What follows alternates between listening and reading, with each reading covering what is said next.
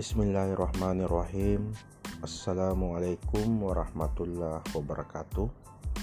Alhamdulillah Alhamdulillahirrabbilalamin Wassalatu wassalamu ala ashrafil anbiya wal mursalin Wa ala alihi wa sahbihi ajma'in. Amma ba'd. Alhamdulillah Puji dan syukur kehadirat ilahi Rabbi Yang telah memberikan hidayah inayah sehingga kita masih sehat walafiat sehingga mampu mengikuti perkuliahan di semester ini. Anak adik-adikku sekalian, eh, pada kesempatan kali ini eh, sebagaimana yang telah diamanatkan kepada saya bahwa mata kuliah yang saya ampu yakni pemikiran modern dalam Islam. Kemarin eh, beberapa pertemuan telah saya berikan kepada kalian yakni eh, RPS yang mana di dalam RPS itu telah eh, telah dijelaskan apa-apa saja yang akan dipelajari hingga 14 sampai 16 pertemuan yang akan datang. Kemudian dalam pertemuan kedua saya telah memberikan sebuah artikel atau makalah pengantar berkaitan dengan relasi agama dan negara. Uh, kemudian di pertemuan yang ketiga, saya juga telah memberikan artikel uh, berkaitan dengan pemikiran Muhammad Ali Fasah. Uh, di pertemuan ini kita akan uh, berbicara mengenai pemikiran Jamaluddin Al-Afghani, seorang tokoh pembaharu dalam Islam dari Mesir.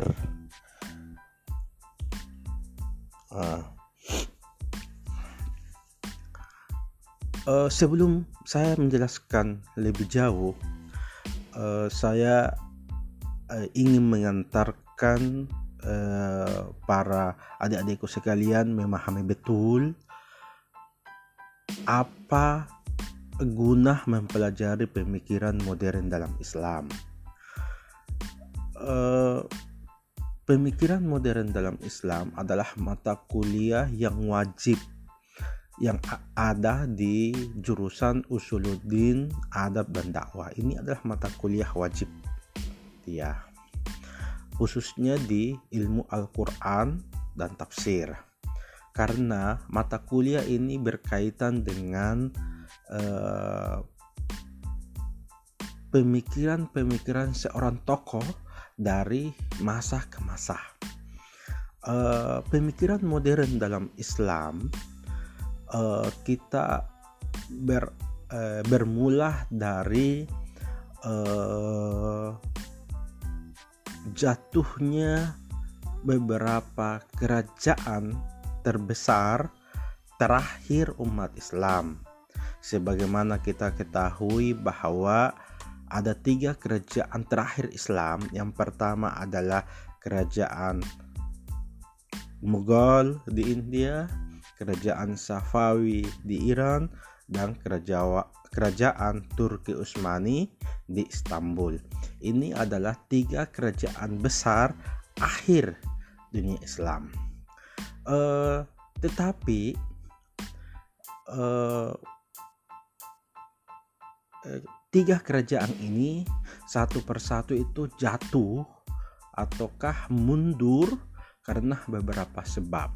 Nah, dalam perkembangan kemunduran inilah maka uh, bermunculanlah uh, para penjajah dari dunia Eropa mulai mulai dari Spanyol, Belanda, Inggris, dan lain sebagainya yang ingin menaklukkan wilayah-wilayah Islam. Uh, ini bisa dilihat bagaimana uh, para penjajah kita menamainya ini sebagai penjajah para orang-orang berkulit putih ingin menguasai kerajaan Safawi bagaimana orang-orang barat ingin menguasai kerajaan Mughal. Dan yang terakhir, bagaimana orang-orang barat ini ingin menguasai kerajaan eh, Turki Utsmani. Ya. Eh, kita ketahui bersama bahwa kerajaan Mughal itu hancur eh, pada abad 18 khususnya pada 1858 Masehi. Uh, di sejarah juga mendapat kita dapatkan bahwa uh, kerajaan Turki Utsmani itu uh, mendapatkan serangan yang paling besar dan setelahnya itu uh, kerajaan Turki Utsmani ini dikatakan sebagai the sick of man uh, kerajaan yang sakit-sakit karena sudah dihantam uh, pertempuran yang besar makanya mulai pincang-pincang uh, itu bisa dilihat di pada abad 16 di tahun 1683 Masehi. Uh, kerajaan Usman itu dihantam oleh beberapa uh, negara dari barat. Hmm. Dari itu uh, bisa dilihat bahwa umat Islam ini mulai kendor, mulai mundur. Uh, dari uh, kemundurannya itulah sehingga muncul uh, beberapa pertanyaan. Mengapa umat Islam ini mundur? Apa yang menyebabkan umat Islam ini mundur? Nah, dari berbagai pertanyaan itulah memunculkan beberapa respon.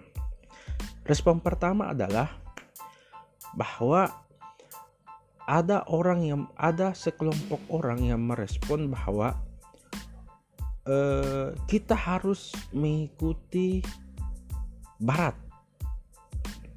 untuk eh, menandingi kemajuannya orang-orang Barat. Ada juga orang atau kelompok yang mengatakan bahwa kita tidak perlu mengikuti orang-orang barat karena di dalam ajaran Islam terdapat nilai-nilai yang bisa mengangkat derajat umat Islam. Al-Islamu ya'lu wa la alaih ada juga uh, kelompok yang ketiga yang sangat uh, istilah tanda kutip dia adalah modern atau moderat uh, dia melihat bahwa memang umat Islam ini dalam umat dalam agama Islam ini terdapat nilai-nilai yang dapat dipertahankan untuk mengangkat derajat agama Islam. Tetapi di satu sisi kita tidak bisa uh, begitu saja tanpa melihat dunia barat. Karena dunia barat ini mau tidak mau itu menjadi negara yang sangat maju. Baik itu teknologinya, maupun sainsnya maupun pengetahuannya. Dunia barat faktanya itu maju dibanding dengan orang-orang Islam yang tanda kutip pada waktu itu dikatakan sebagai itu sudah mundur. Tidak ada lagi hal-hal yang bisa dibanggakan dalam umat Islam karena tiga kerajaan besarnya ini hancur berantakan. Kerajaan Mughal, kerajaan Safawi, maupun kerajaan Turki Utsmani. Ah. Oleh karena itu, eh, dari berbagai respon inilah memunculkan beberapa tokoh pembaruan. Makanya dalam pemikiran modern Islam ini kita akan mempelajari mulai dari pemikir-pemikir modern dalam di Mesir, kemudian pemikir-pemikir modern di Turki, kemudian pemikir-pemikir modern di India. E, tetapi selain itu sebenarnya banyak juga pemikir-pemikir ataukah ulama-ulama itu dari Indonesia yang hebat. Akan tetapi eh, pemikirannya itu tidak bergemah berbeda dengan pemikirannya dari Mesir yang mampu mengos, eh, mempengaruhi berbagai pemikiran orang di Asia dan di India dan lain sebagainya. Pemikirannya orang-orang Turki yang mampu membangkitkan semangat dan mempengaruhi dunia umat Islam selanjutnya. Begitu juga pemikiran-pemikiran yang eh, tokoh-tokoh pemikir yang ada di dunia Indi, eh, benua India yang mampu mempengaruhi uh, dunia Islam. Tetapi di satu sisi juga seperti yang tadi saya bilang bahwa ada juga tokoh pemikir atau ulama di dari Nusantara yang hebat pada masa itu. Sebutlah misalnya ada Syekh Nawawi Al-Bantani. Dia lahir itu pada 1813 Masehi dan wafat 1879 Masehi ada juga Syekh Mahfuz Al-Termasi. Dia lahir itu 1842 Masehi. Ada juga mengatakan dia lahir 1868 Masehi. Dan wafat itu 1919 Masehi. Ada juga pemikir yang terkenal yang banyak melahirkan murid-murid. Uh, misalnya Syekh Ahmad Khatib Al-Minangkabau dia lahir 1859 Masehi, wafat 1915 Masehi. Uh, dari pemikiran dari uh, apa istilahnya muridnya Syekh Ahmad Khatib Al Minangkabau nanti di Indonesia itu akan melahirkan beberapa organisasi. Contohnya uh, di sana ada Kiai Haji Ahmad Dahlan yang dalam perkembangannya melahirkan organisasi Muhammadiyah. Selain itu ada juga murid yang namanya Kiai Haji Hashim Ash'ari yang melahirkan uh, organisasi namanya Nahdlatul Ulama.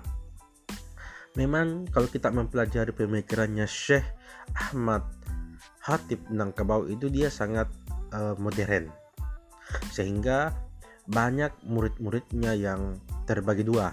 Ada kalangan modernis kalau bisa dikatakan begitu ada kalangan tradisionalis. Uh, ini adalah to tiga tokoh pemikir atau tiga tokoh ulama yang dari Nusantara yang berkiprah di Saudi Arabia. Dan banyak melahirkan murid-murid mulai da, eh, Kurdi negara Kurdi Malaysia eh, Singapura dan lain Thailand dan Filipina dan sebagainya itu tapi hanya uh, lingkup uh, Asia saja Asia Tenggara khususnya.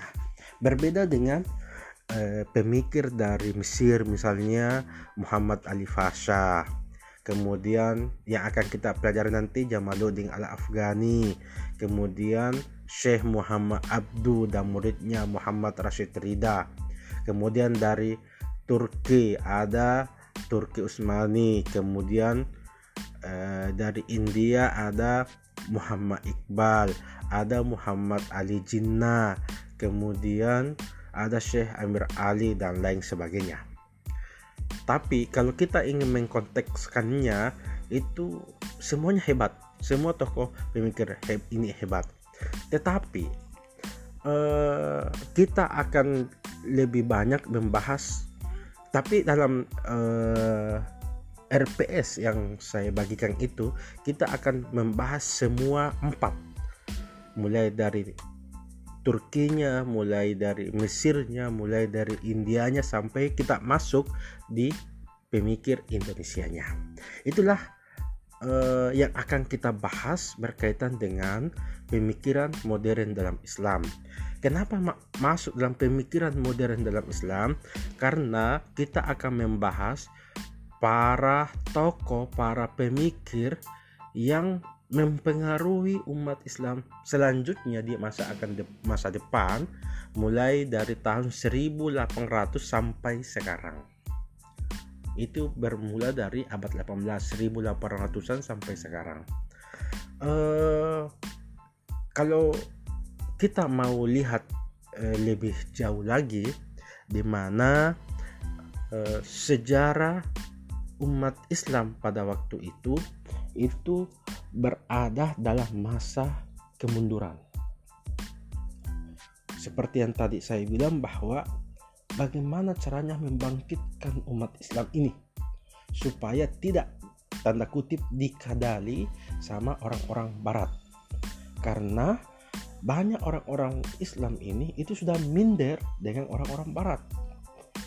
Karena mengapa orang-orang barat itu lebih maju bukan lagi selangkah tapi 10 langkah ke depan daripada umat umat Islam. Makanya di sini ada beberapa organ apa beberapa tokoh yang merespon.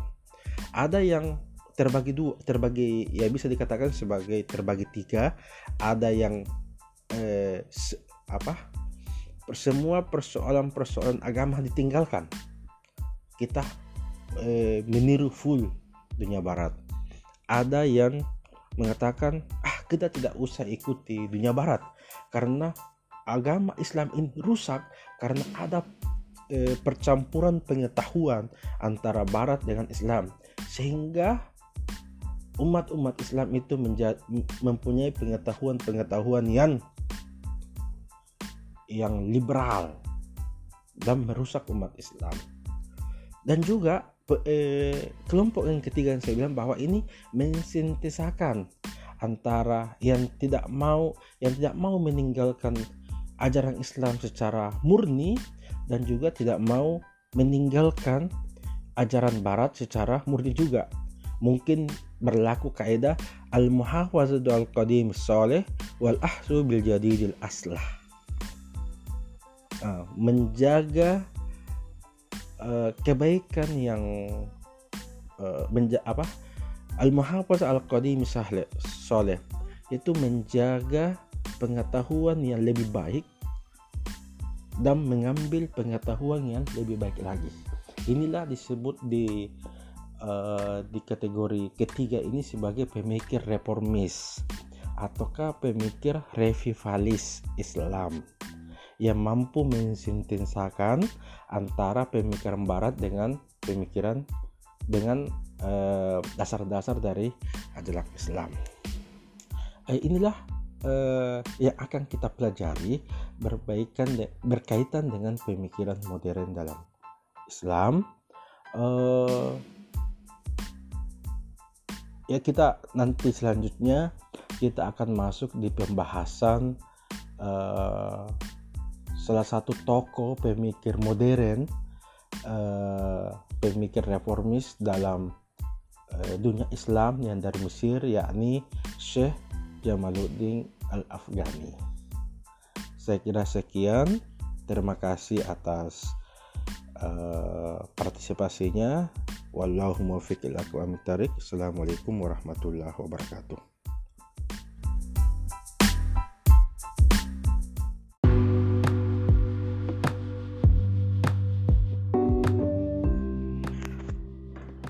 Bismillahirrahmanirrahim. Assalamualaikum warahmatullahi wabarakatuh. Alhamdulillah Alhamdulillahirrabbilalamin Wassalatu wassalamu ala ashrafil anbiya wal mursalin Wa ala alihi wa sahbihi ajma'in. Allahumma salli wa sallim ala sayyidina Muhammadin wa ala alihi wa sahbihi ajma'in. Amma ba'd. Adik-adikku sekalian mahasiswa ilmu Al-Quran dan tafsir. Alhamdulillah Allah subhanahu wa ta'ala masih memberikan hidayah inayah sehingga kita masih mampu dan sehat untuk melanjutkan mata kuliah pemikiran modern dalam Islam pada kesempatan kali ini kita akan melanjutkan materi selanjutnya yakni pemikiran Jamaluddin Al-Afghani. Kemarin minggu lalu telah dipelajari urgensi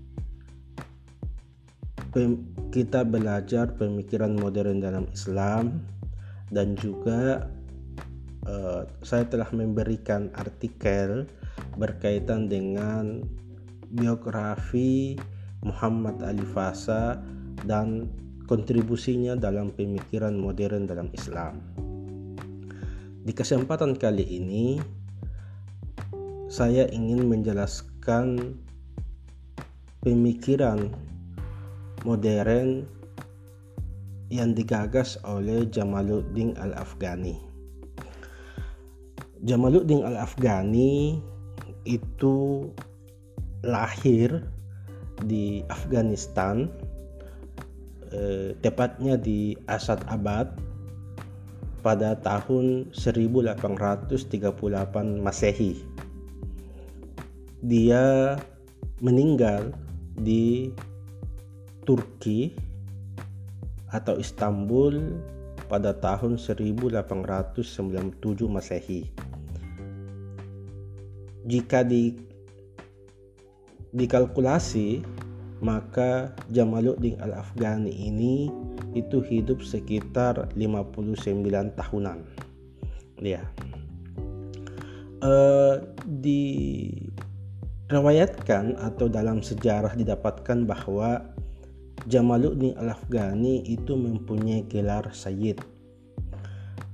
Eh, sebagaimana kita ketahui bersama bahwa gelar Sayyid itu itu pasti berasal dari keturunan Rasulullah Shallallahu Alaihi Wasallam khususnya Husain bin Ali bin Abi Talib.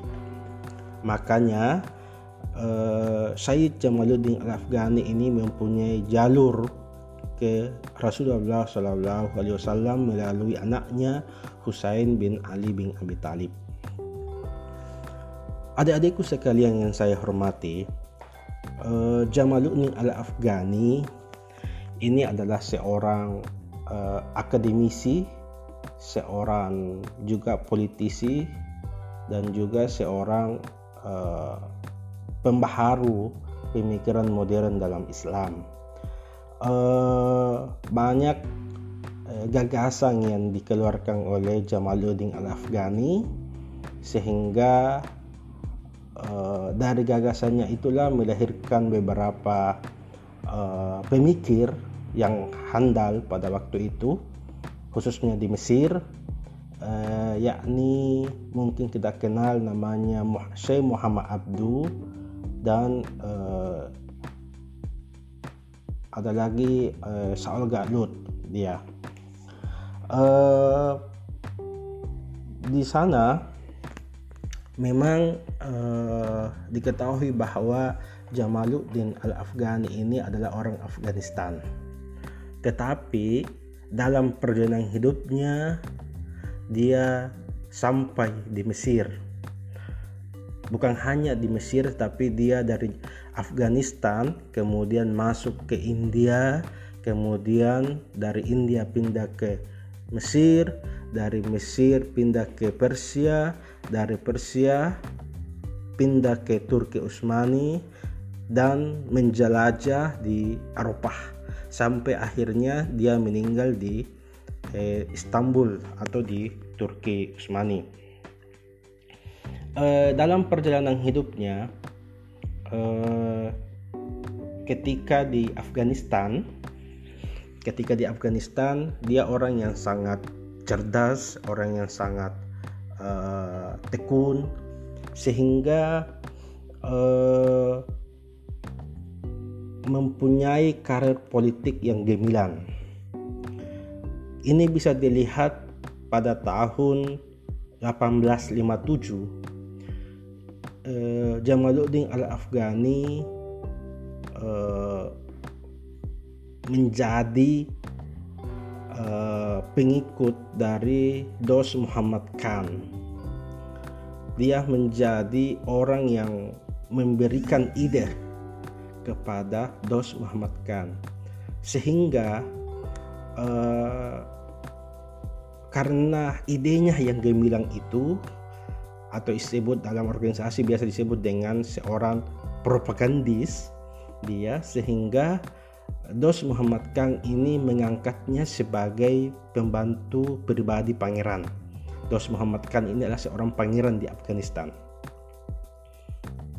Uh, kemudian setelah menjadi pembantu pribadi pangeran karena seperti yang saya katakan dia orang cerdas, piawai dalam politik, kemudian diangkat lagi jabatannya menjadi penasehat pribadi pangeran. Darinya pembantu pribadi pangeran menjadi penasehat pribadi pangeran. Uh, kemudian uh, karir politiknya pada tahun 1868 Masehi ia dilantik sebagai Perdana Menteri dalam masa pemerintahan Pangeran Muhammad Azam di Afghanistan. Eh, Syed Jamaluddin Al-Afghani ini uh, mendapatkan karir politik yang tinggi sampai dia sempat menjadi Perdana Menteri dalam masa pemerintahan Pangeran Muhammad Azam. Tetapi dalam perkembangan selanjutnya uh, Afghanistan ini dikacaukan oleh pemerintahan Mesir. Eh maaf pemerintahan Inggris. Sehingga uh, Jamaluddin Afghani ini merasa bahwa pemerintahan di Afghanistan ini tidak bisa berkembang.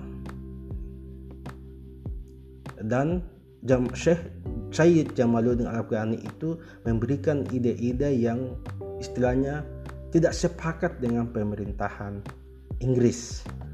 Pemerintahan uh, Afghanistan pada waktu itu menjadi boneka dari pemerintahan Inggris.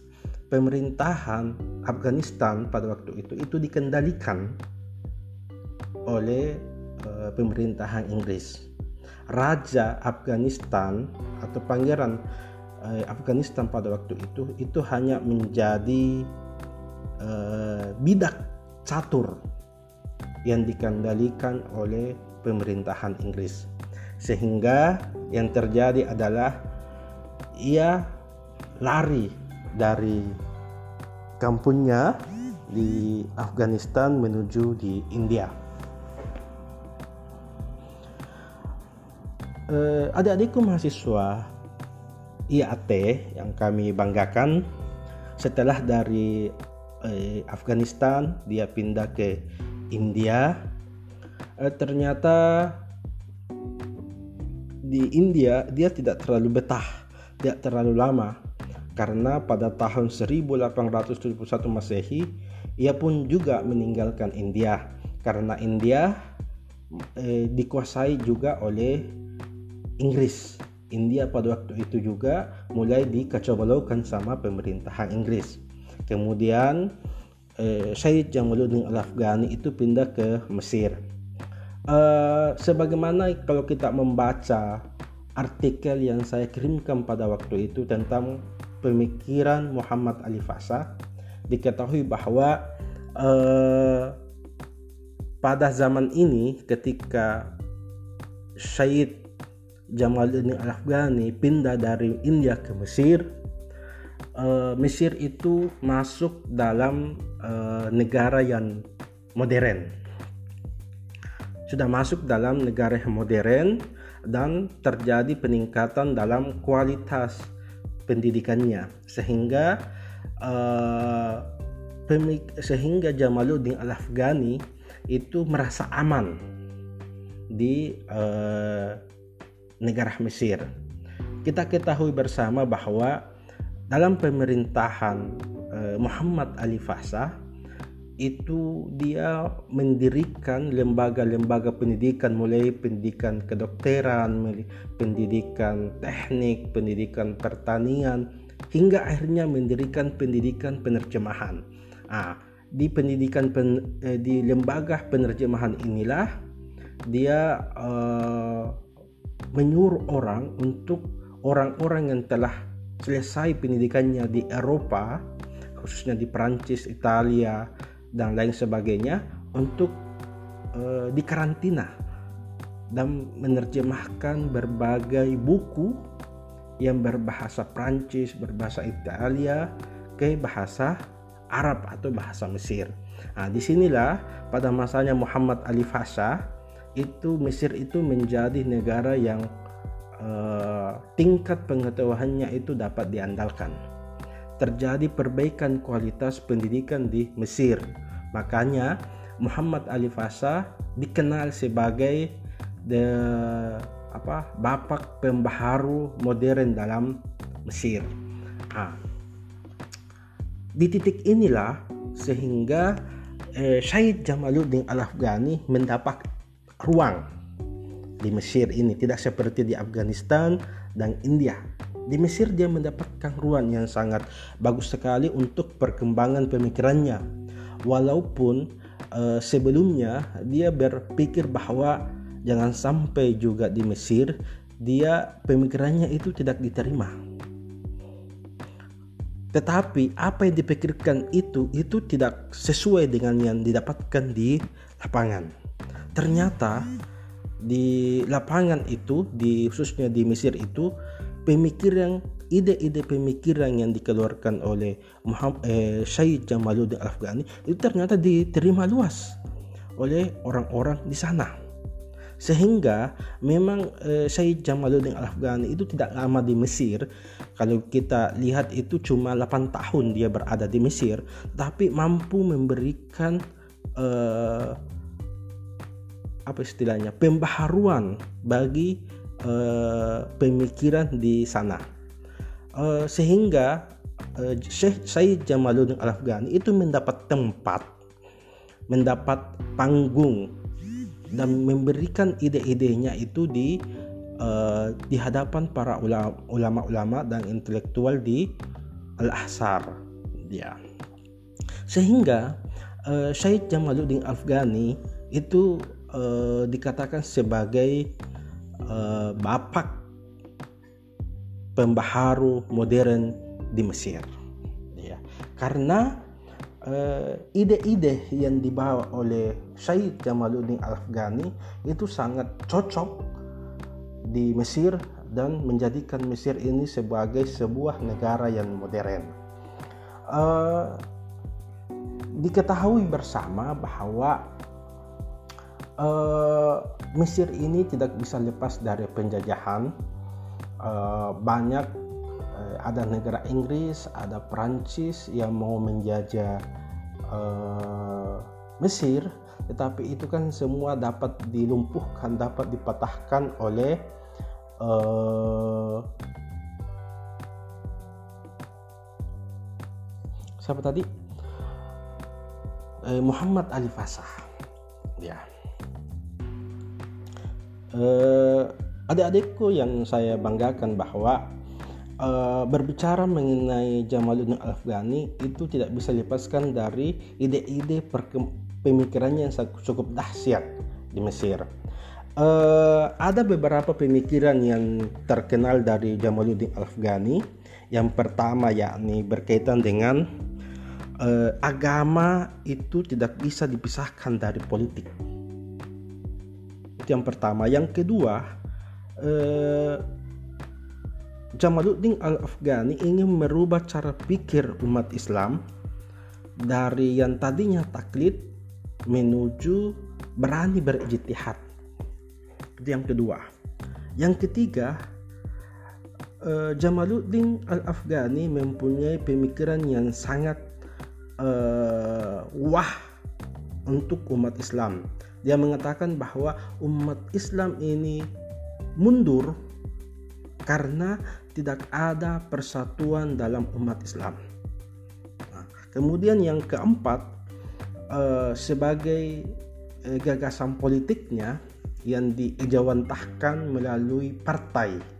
Makanya Syekh Jamaluddin Al-Afghani itu menggagas berdirinya Partai Nasional atau biasa disebut dengan eh, Hizbul Watan. Nah, ini ada beberapa gagasan yang dilakukan oleh Syekh Jamaluddin Al-Afghani di Mesir. Kemudian eh, saya akan bahas satu persatu secara singkat saja. Eh, yang pertama yakni yang saya katakan tadi, Syekh Jamaluddin Al-Afghani eh, melihat bahwa mengapa umat Islam itu mundur. Apa penyebab umat Islam ini mundur? Apa penyebabnya umat Islam ini dikalahkan oleh Barat?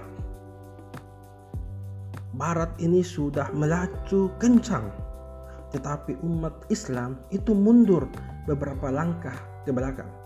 Padahal dulunya umat Islam ini terkenal dengan pengetahuannya. Umat Islam ini terkenal dengan kejayaannya. Akan tetapi kenapa hari ini itu mundur? Itulah menjadi pertanyaan besar oleh Syekh Jamaluddin Al-Afghani. Saya kira sama juga pertanyaannya yang diajukan oleh Muhammad Ali Fasa. Mengapa umat Islam ini mundur? Makanya Muhammad Ali Fasa dengan uh, pertanyaan itu melakukan serangkaian kegiatan-kegiatan yang menunjukkan bahwa Mesir ini bangkit menjadi negara modern yang mampu melumpuhkan dan mematahkan serangan-serangan dari barat. hal ini juga yang dilakukan oleh uh, Syekh Jamaluddin Syed Jamaluddin Al-Afghani.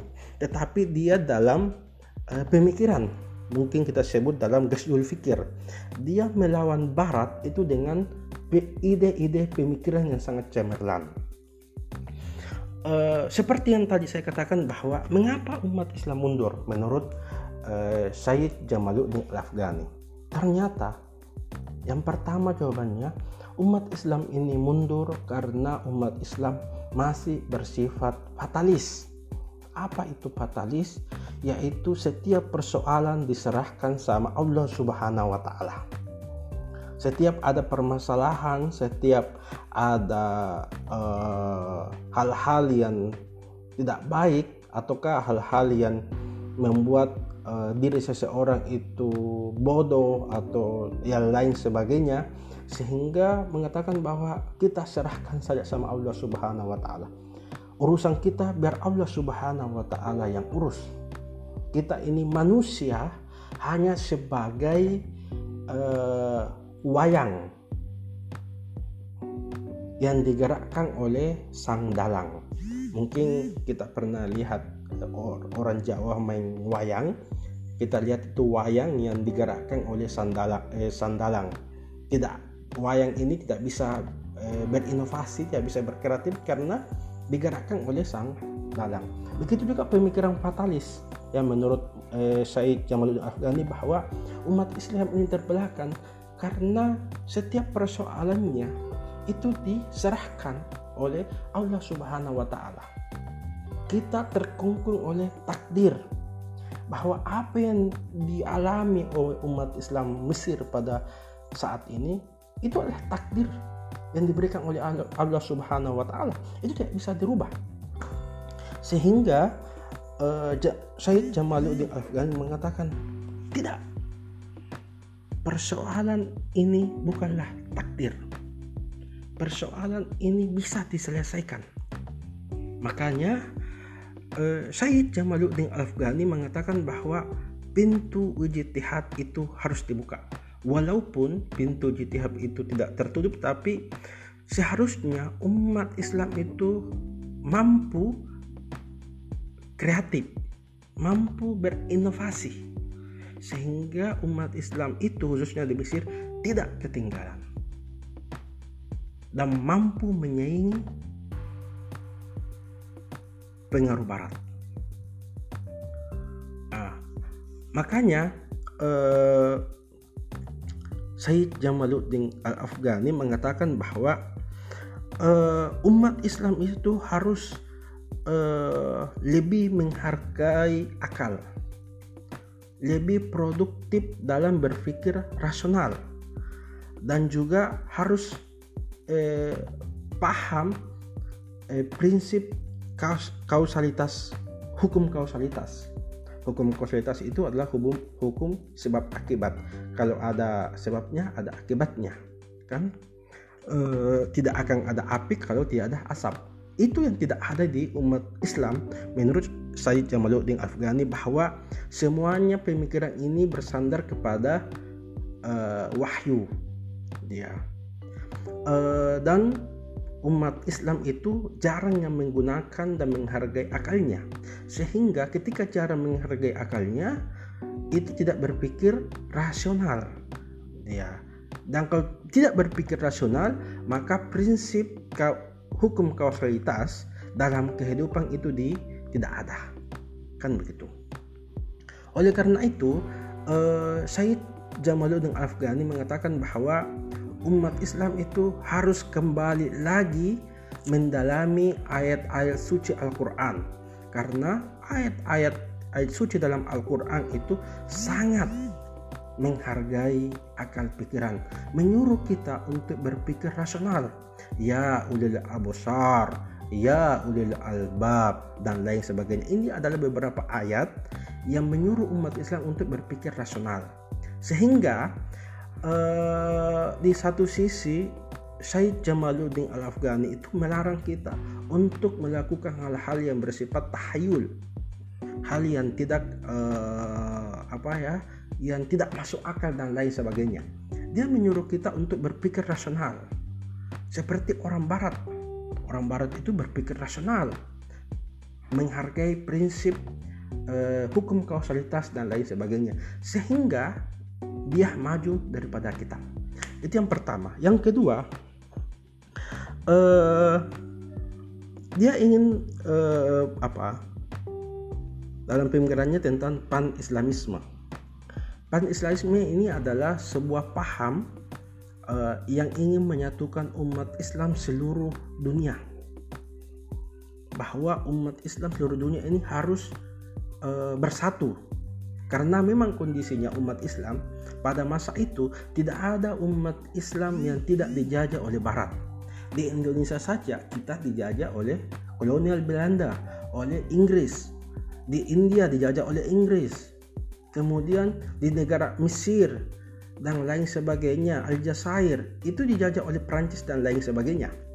Uh, umat Islam pada waktu itu khususnya negara Islam itu tidak ada yang eh, merdeka. Semua dijajah oleh negara-negara Barat.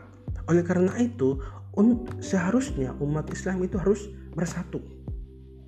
Bersatu itu yang dalam artian bukan hanya eh, negara-negara Islam itu harus bersatu di bawah eh, panji kebesaran Islam, tetapi cara pandang kita, cara pandang inilah yang harus menyatukan umat Islam. Jiwa batinnya umat Islam harus bersatu didasari oleh worldview-nya, cara pandangnya dalam melihat uh, kehidupan ini. Kalau tidak begitu, maka niscaya umat Islam ini akan terus dijajah oleh uh, Barat, masih terus ditekan oleh pengaruh-pengaruh Barat atau hegemoni-hegemoni Barat pada waktu itu yang berkuasa. Oleh karena itu, uh, Said Jamaluddin Al-Afghani mengatakan bahwa harus ada pemahaman pan-Islamisme. Umat Islam di India, di Indonesia, dan di Mesir, di Aljazair sebagainya harus bersatu untuk melawan kolonial Inggris atau Prancis atau Belanda dan lain sebagainya. Uh, mereka harus bersatu bahwa kolonial ini itu harus dilawan. Tidak boleh mengatakan bahwa kolonial ini adalah teman kita. Yang ini Prancis teman kita. Tidak. Menurut Jamaluddin Al-Afghani bahwa semuanya ini adalah musuh kita. Barat adalah common enemy kita, musuh utama kita. makanya harus ada namanya pan-islamisme nah, pan-islamisme ini eh, bisa diartikan sebagai paham nasional paham nasionalisme paham nasionalisme untuk umat Islam di seluruh dunia dan juga secara ke dalam pan-islamisme adalah paham nasional untuk orang-orang Mesir. Nah, makanya paham nasionalisme ini. Jam, Said Jamaluddin Al-Afghani dia ejawantahkan atau implementasikan dalam sebuah partai. Namanya Hizbul Watan, partai eh, partai nasionalis yang mempunyai slogan Mesir untuk orang Mesir. Sama kan yang kalau kita baca sejarah di Indonesia ada eh, partai kalau tidak salah Indeks Partai yang punya slogan eh, India untuk eh, orang-orang India atau Indonesia untuk orang-orang Indonesia. Nah, inilah partai nasionalis yang dibuat oleh eh, Jamaluddin eh, Al-Afghani.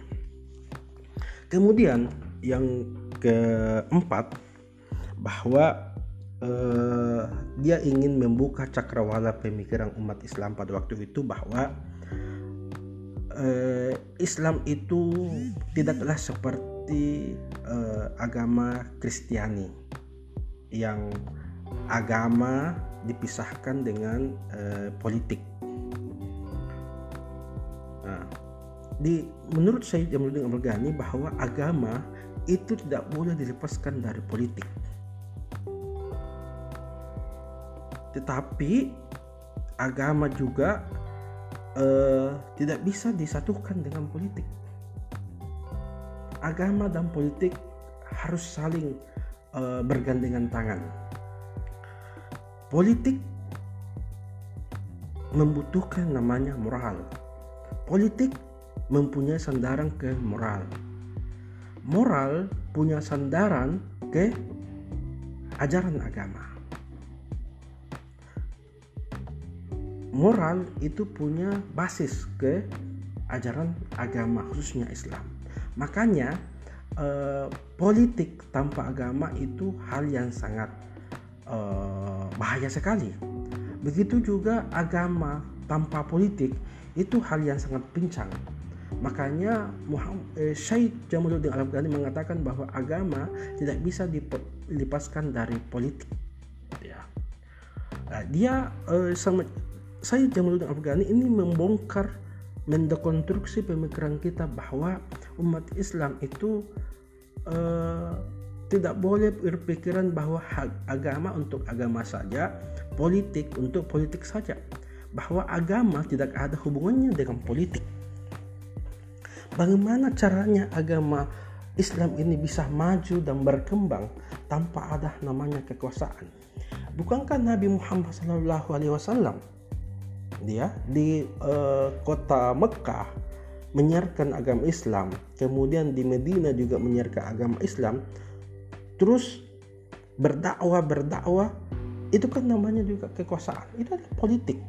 Bagaimana orang yang eh, bagaimana para para eh, orang kafir Quraisy ini yang eh, tidak suka dengan agama Islam itu sampai dengan perang.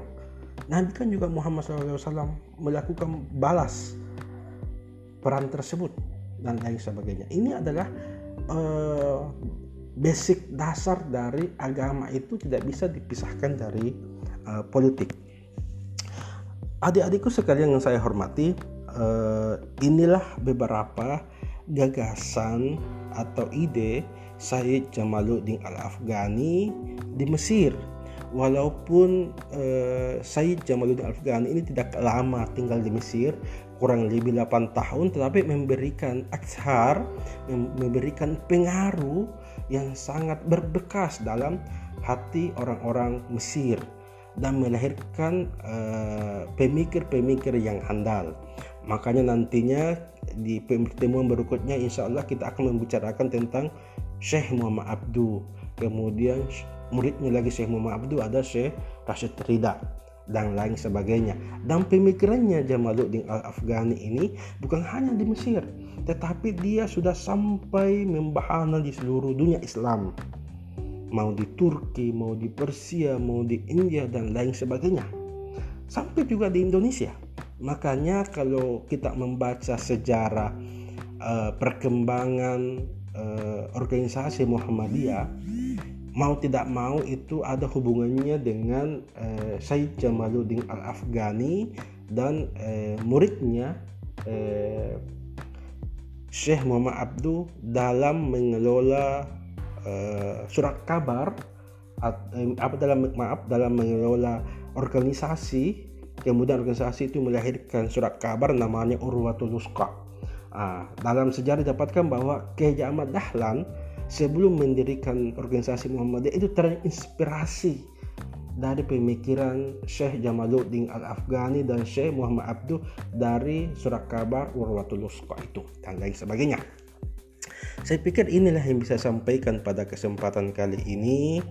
Mohon maaf bila ada kekurangan dan saya harapkan kepada adik-adikku sekalian tidak hanya uh, mendengarkan apa yang saya eh, eh, jelaskan pada kesempatan kali ini berkaitan dengan pemikiran eh, Said Jamaluddin Al-Ghani tapi banyak men-search banyak mencari di Google tentang biografi atau pemikiran Said, Said Jamaluddin Al-Afghani.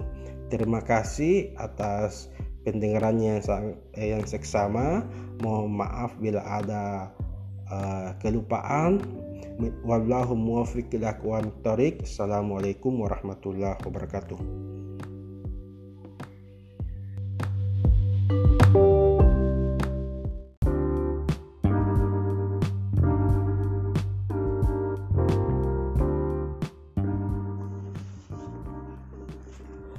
Bismillahirrahmanirrahim. Assalamualaikum warahmatullahi wabarakatuh. Dan selamat pagi menjelang siang. Alhamdulillah Alhamdulillah Rabbil Alamin. Wassalatu wassalamu ala ashrafil anbiya wal mursalin wa ala alihi wa sahbihi ajma'in amma ba'd. Allahumma salli wa sallim ala sayyidina Muhammadin nuri kasyari wa mudadikal jari wa jama'ni bihi kulli atwari wa ala alihi wa sahbihi ya nur Alhamdulillah pada hari ini kita bertemu lagi di alam virtual untuk melanjutkan uh, materi perkuliahan pemikiran modern dalam Islam. Kemarin saya telah memberi tugas kepada adik-adikku sekalian untuk uh, menjawab beberapa soal berkaitan dengan Syekh Muhammad Abdu.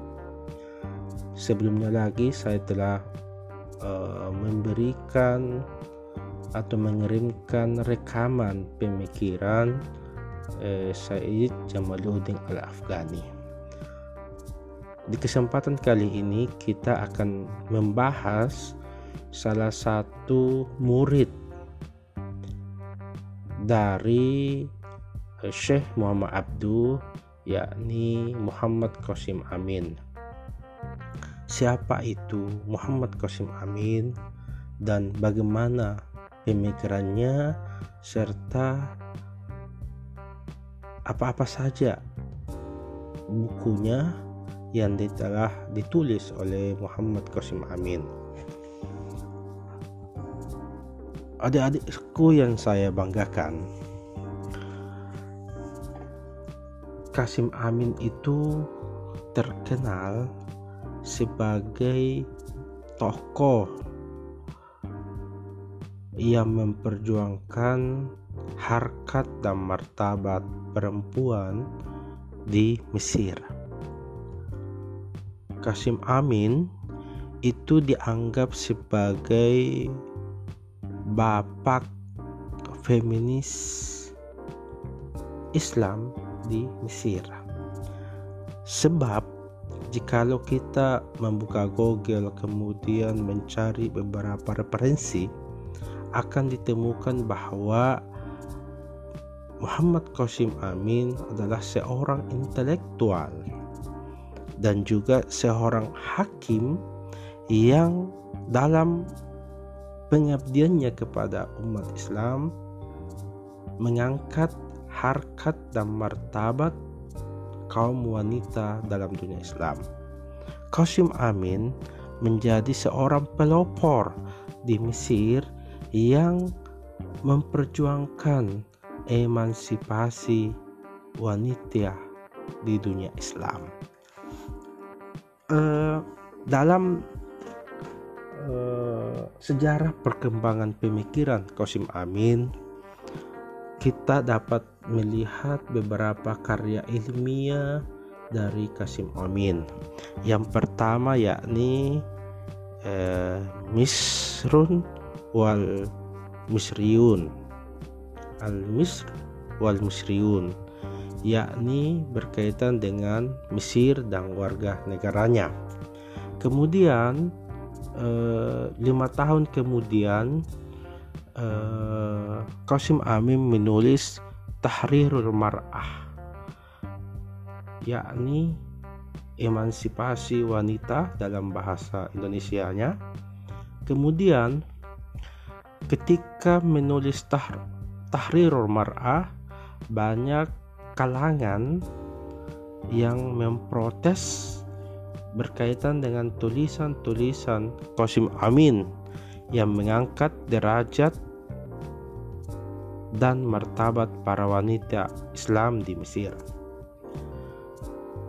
Kemudian kritikan-kritikan dari lawan Qasim Amin ini itu pun dibalas dengan eh, tulisan-tulisan eh, yang mencerahkan.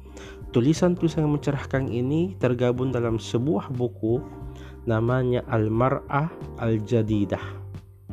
Yakni eh, kalau kita bahasakan sekarang itu adalah eh, wanita modern atau wanita baru.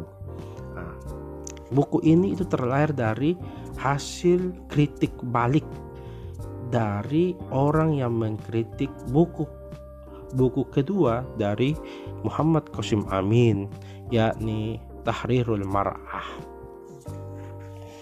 uh, maka dari itu inilah beberapa mungkin bisa disebut sebagai magnum opus dari pemikiran Qasim Amin uh, sebelumnya itu kita masuk dulu di biografi Qasim Amin.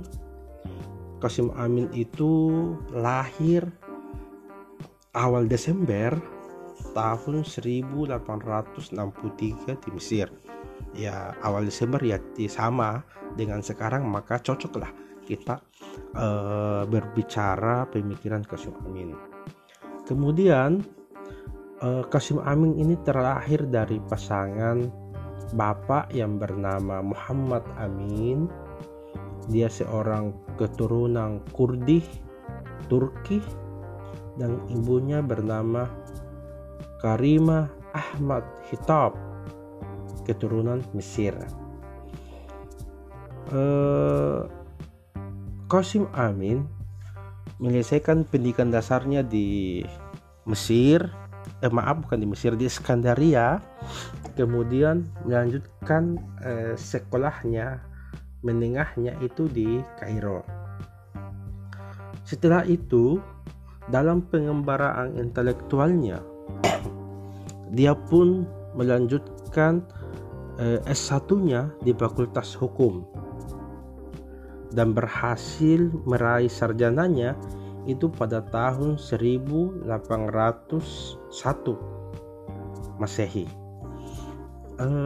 Kemudian setelah itu setelah menempatkan uh, serja, sarjana hukumnya kemudian dia bekerja di uh, kantor pengacara Mustafa Fahmi. Nah, setelah lama uh, bekerja di kantor pengacara Mustafa Fahmi dia pun mendapatkan uh, beasiswa dan melanjutkan studinya itu ke Prancis dia pun melanjutkan uh, sekolahnya di Prancis. dan memperdalam pengetahuan ilmu hukumnya di negara Eiffel, Menara Eiffel. Uh, adik-adikku sekalian yang saya banggakan, uh,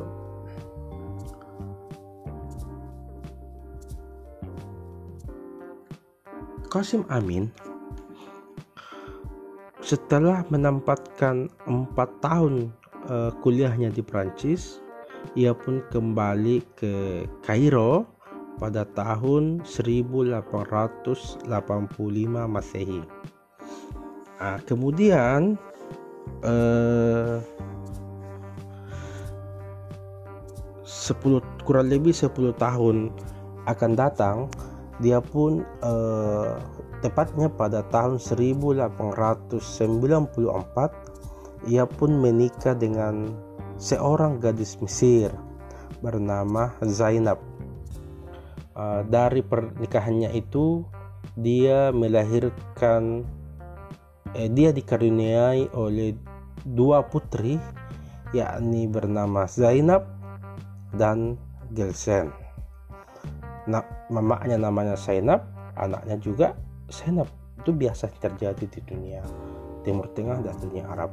Biasa kita lihat kan ada nama-nama orang Arab Muhammad bin Muhammad bin Muhammad bin Muhammad bin Muhammad dan seterusnya. Biasa itu yang terjadi. Ada juga disebut dengan Ahmad bin Ahmad bin Ahmad bin Ahmad dan seterusnya. Sama.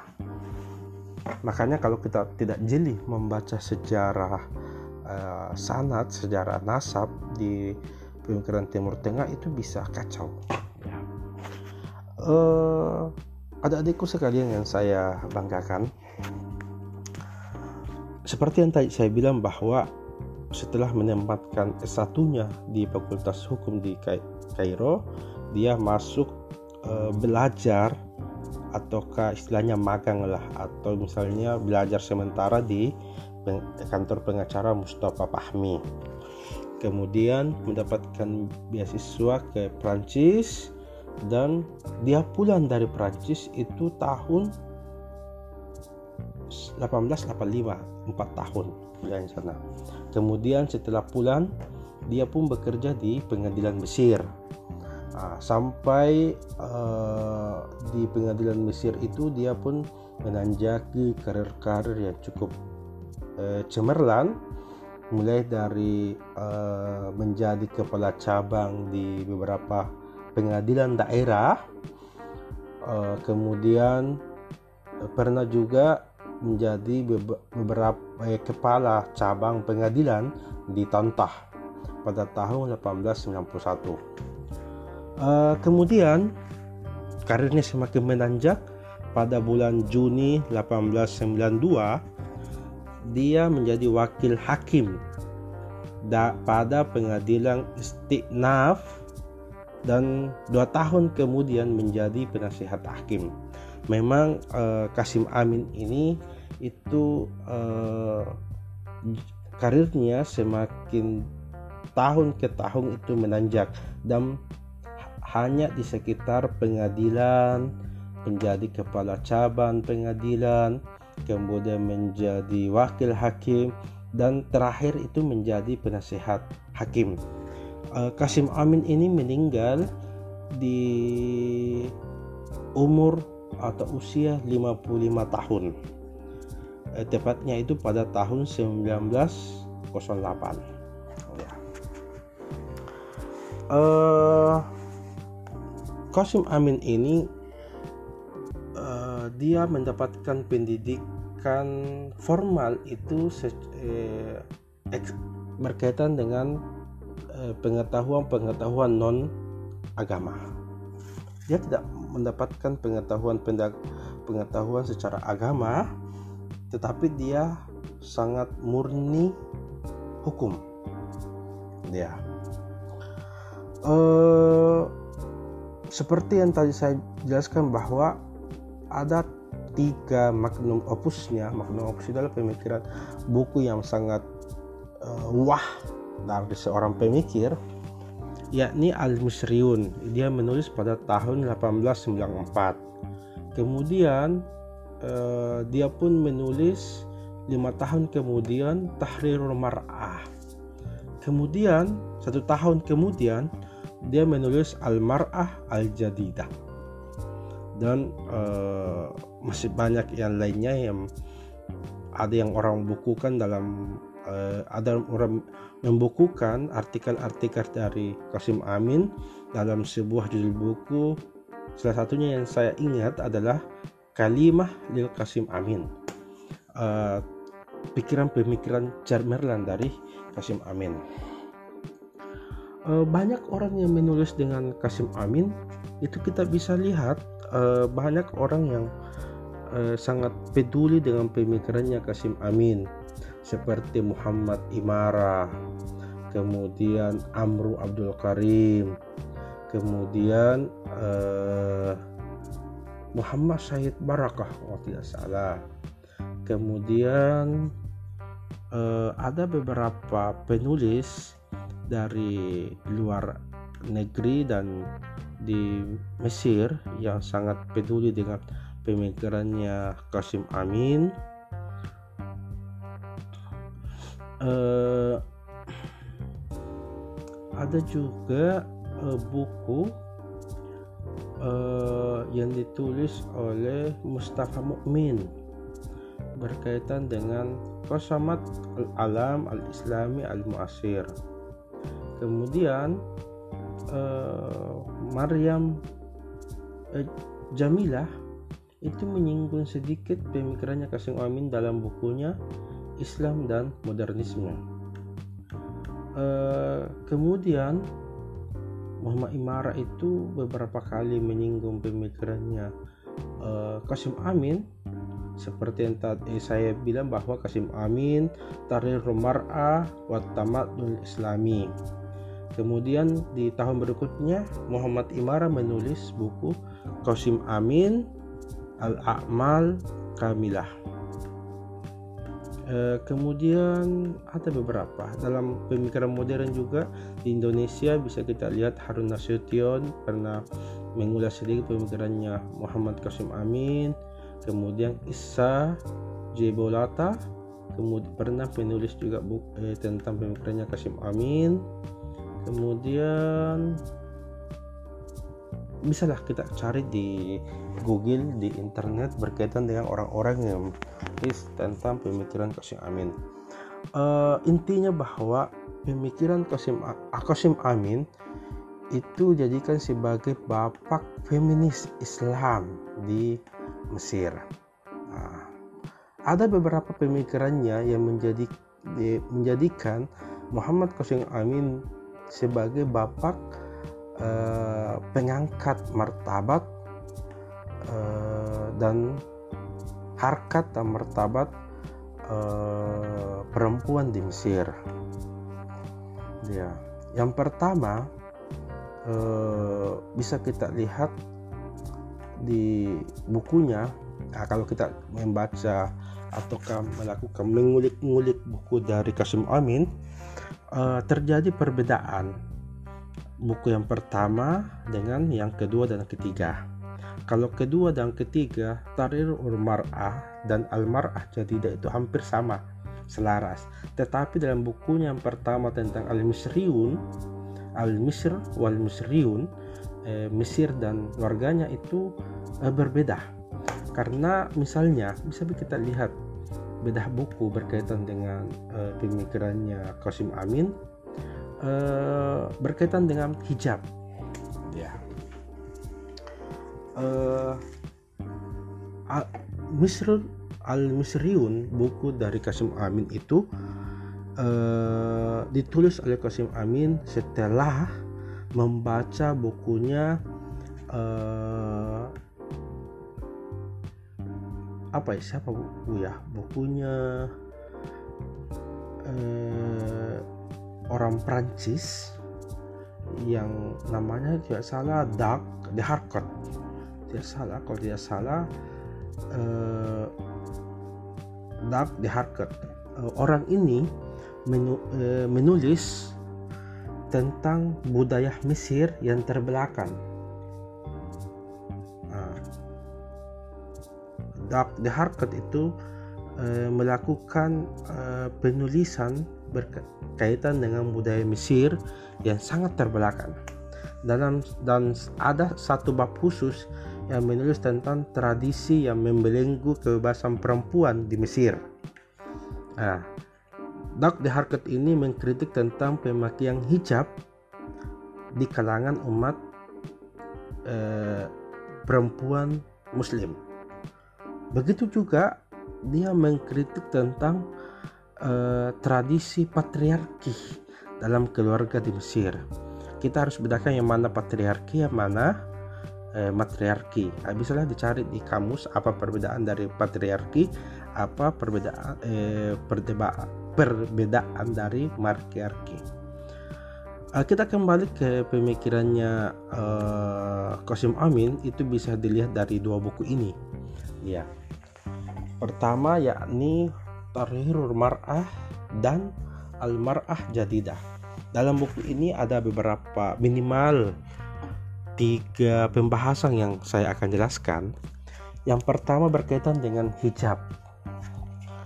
Uh, di buku terdahulu dalam buku Al-Misri dan Al-Misriyun uh, Kasim Amin itu karena dia seorang Mesir dan uh, Doug de Harket ini seorang penulis Prancis itu uh, menulis tentang hal-hal yang tidak cocok sedangkan dengan uh, tradisi dan budaya Mesir sehingga uh, Kasim Amin itu orang yang mempunyai jiwa nasionalisme Mesir dia bangkit dan mengkritik tulisan Doug de Harket uh, kemudian uh, di mana the, the Harkat itu menulis bahwa hijab itu uh, adalah hal yang membuat perempuan Mesir itu terbelakang.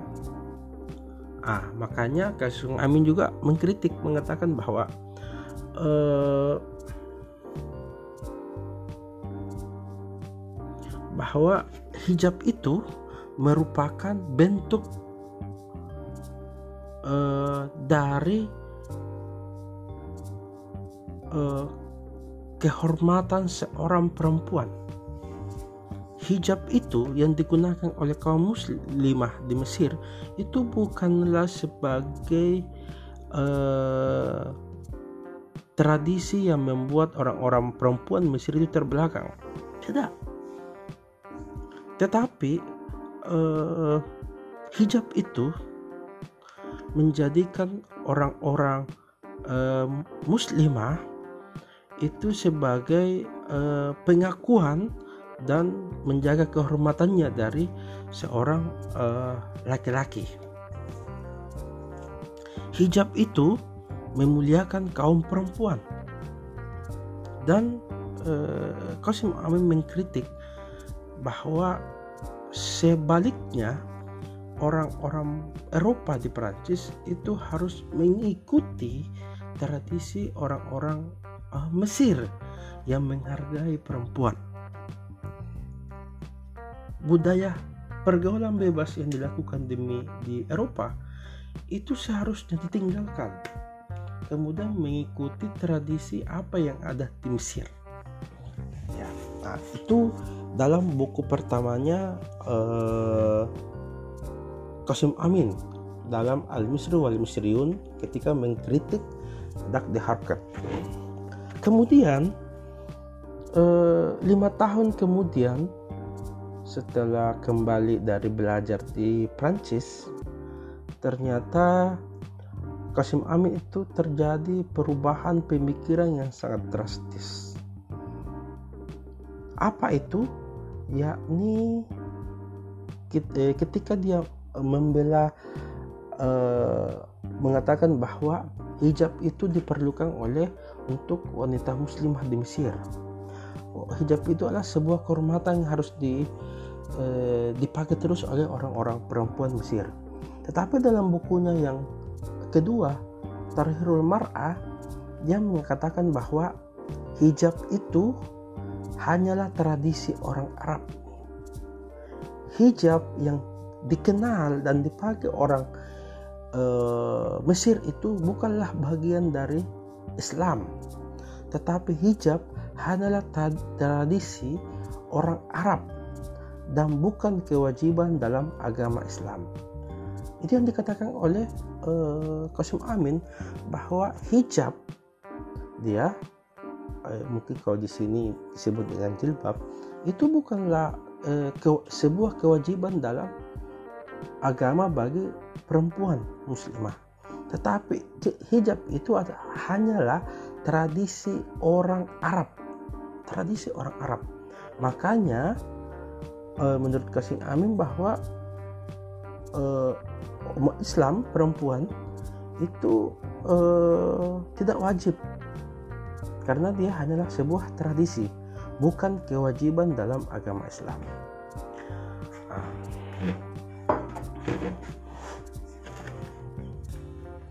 Uh, dalam uh, pemikirannya tentang hijab, Kasim Amin itu meneliti dalam tinjauan hukum Islam berkaitan dengan uh, hijab.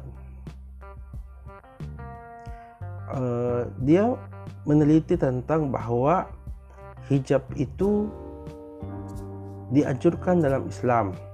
Hijab itu menutup seluruh badan perempuan kecuali wajah dan telapak tangan. Itu yang diteliti oleh Muhammad Qasim Amin.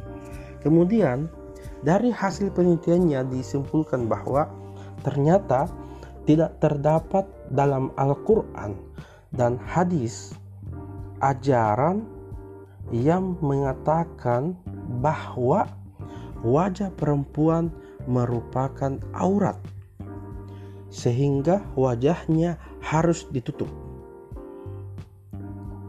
Nah, sekali lagi saya katakan bahwa hasil penelitian didapatkan oleh Kasim Amin mengatakan bahwa tidak terdapat dalam Al-Quran dan hadis Rasulullah SAW ajaran yang mengatakan bahwa wajah perempuan merupakan aurat sehingga wajahnya harus ditutup. Penutupan wajah hanyalah kebiasaan yang kemudian dianggap sebagai ajaran agama Islam.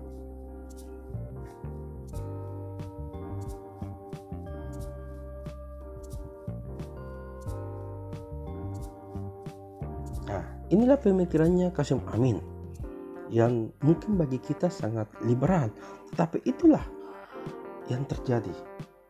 Bahwa Kasim Amin mengatakan bahwa tidak terdapat dalam Al-Quran dan hadis Nabi bahwa wajah perempuan itu merupakan aurat sehingga wajahnya harus ditutup. Dan juga mengatakan bahwa hijab itu adalah budaya Arab dan tidak ada kewajiban dalam agama Islam. Nah, itu yang dikatakan oleh Qasim Amin. Kemudian pemikiran kedua dari Qasim Amin mengatakan bahwa uh, berkaitan dengan cerai atau talak. Dalam bukunya eh, Kasim Amin Tahrirul Mar'ah mengatakan bahwa eh, perempuan boleh diceraikan oleh suaminya dengan beberapa syarat. Yang pertama, perceraian terjadi karena ada keinginan kuat untuk itu. Yang kedua, harus ada saksi dalam proses cerai. Yang ketiga, menghadirkan pihak ketiga sebagai juru damai antara suami istri. Dan keempat, cerai itu terjadi atau talak itu terjadi karena putusan pengadilan. Uh, dia uh, mengkritik sendiri pemikirannya bahwa dulunya dalam bukunya tentang Al-Misrun wal Misriun dia menulis bahwa uh, perempuan itu kapan saja dan di mana saja boleh dicarikan oleh sang suami.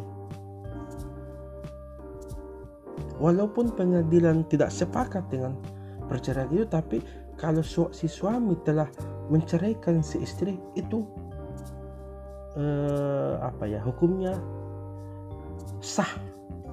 Itu menurut Kasim Amin ketika menulis dalam bukunya Musriun tetapi ketika kembali dari Prancis dia mengatakan bahwa tidak begitu.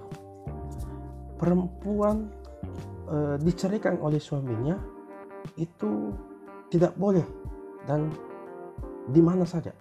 Tidak boleh tetapi harus memenuhi beberapa persyaratan seperti yang saya bilang bahwa terjadi perceraian itu karena ada beberapa persyaratan. Memang pertama perceraian terjadi karena ada si suami dan istri memang sudah mau cerai.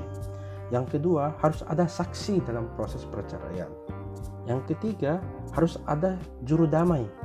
Ada pihak ketiga sebagai juru damai supaya si perempuan dan si laki-laki ini kembali berdamai dan tidak bercerai.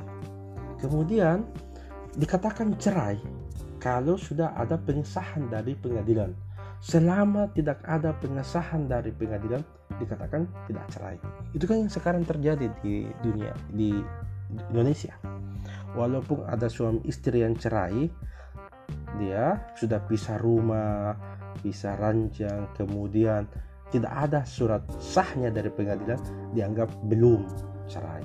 Yang belum cerai, kalau mau menikah lagi dengan orang lain, maka harus ada surat sah percayaan dari pengadilan. Nah, begitu. Makanya tidak gampang itu orang cerai sebenarnya. Sangat susah. Yang terakhir pemikirannya uh, Qasim Amin dalam bukunya Tarihul Mar'ah dan Al-Mar'ah Jadidah berkaitan dengan poligami. Uh, dulunya dalam buku yang satu Misrung Al-Musriyun Qasim Amin mengatakan bahwa suami boleh beristri dari satu. Suami boleh berpoligami.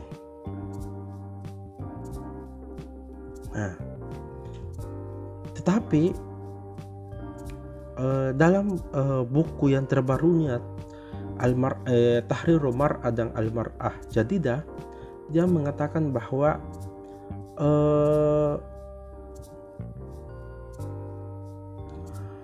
uh, apa ya saya lupa bahwa laki-laki tidak boleh berpoligami karena tidak ada seorang pun perempuan yang ingin dimadu. Kalau seorang laki-laki menikah dengan istri kedua, berarti ia mengabaikan perasaan istri pertama. Nah, kemudian dia mengatakan bahwa tidak ada alasan bagi seorang lelaki untuk memiliki istri lebih dari satu kecuali terpaksa.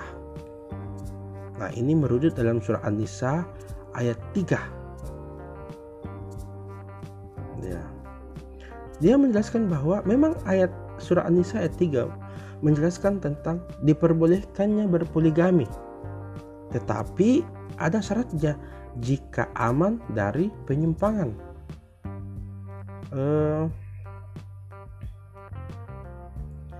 Kasim Amin mengatakan bahwa poligami itu dilarang karena dia menimbulkan bahaya dan ketidakadilan sehingga poligami itu harus dilarang sebenarnya. Makanya Kasim Amin uh, orang yang berkecimpung dalam dunia pengadilan pernah menjadi wakil hakim pernah menjadi penasihat hakim mengusulkan kepada pengadilan bahwa dan juga para hakim agar ketika ada orang yang ingin, seorang laki-laki ingin berpoligami maka silahkan ditolak uh, poligaminya silahkan ditolak poligaminya uh, inilah beberapa pemikiran Kasim Amin yang sehingga Qasim Amin itu dijuluki sebagai bapak feminis Islam di Mesir. Qasim Amin dianugerahi sebagai bapak pengangkat harkat dan martabat perempuan Islam di Mesir. Nah, inilah pemikirannya yang uh, memberikan inspirasi bagi eh, orang-orang uh, selanjutnya. Seperti uh, seperti yang tadi saya jelaskan bahwa Pemikiran Kosim Amin ini tidak terlepas dari pemikirannya Syekh Muhammad Abdul. Syekh Muhammad Abdullah yang memberikan pengetahuan, yang berbagi pengetahuan dengannya, kemudian berdiskusi dan berdialog dengan Kosim Amin sehingga melahirkan pemikiran-pemikiran yang mengangkat harkat dan martabat perempuan, mengangkat emansipasi wanita dan menjadikan manusia apa kaum muslimin itu uh, memiliki uh, kebebasan. Ya saya pikir inilah yang bisa saya sampaikan pada kesempatan kali ini. Semoga apa yang saya jelaskan walaupun secuil ini dari pemikirannya Kasim Amin dapat memberikan inspirasi kepada adik-adikku sekalian sebagai calon-calon uh, mufassir, calon-calon ahli Al-Qur'an dan tafsir di dunia Islam yang akan datang. Wallahu muwaffiq lil aqwam Assalamualaikum warahmatullahi wabarakatuh.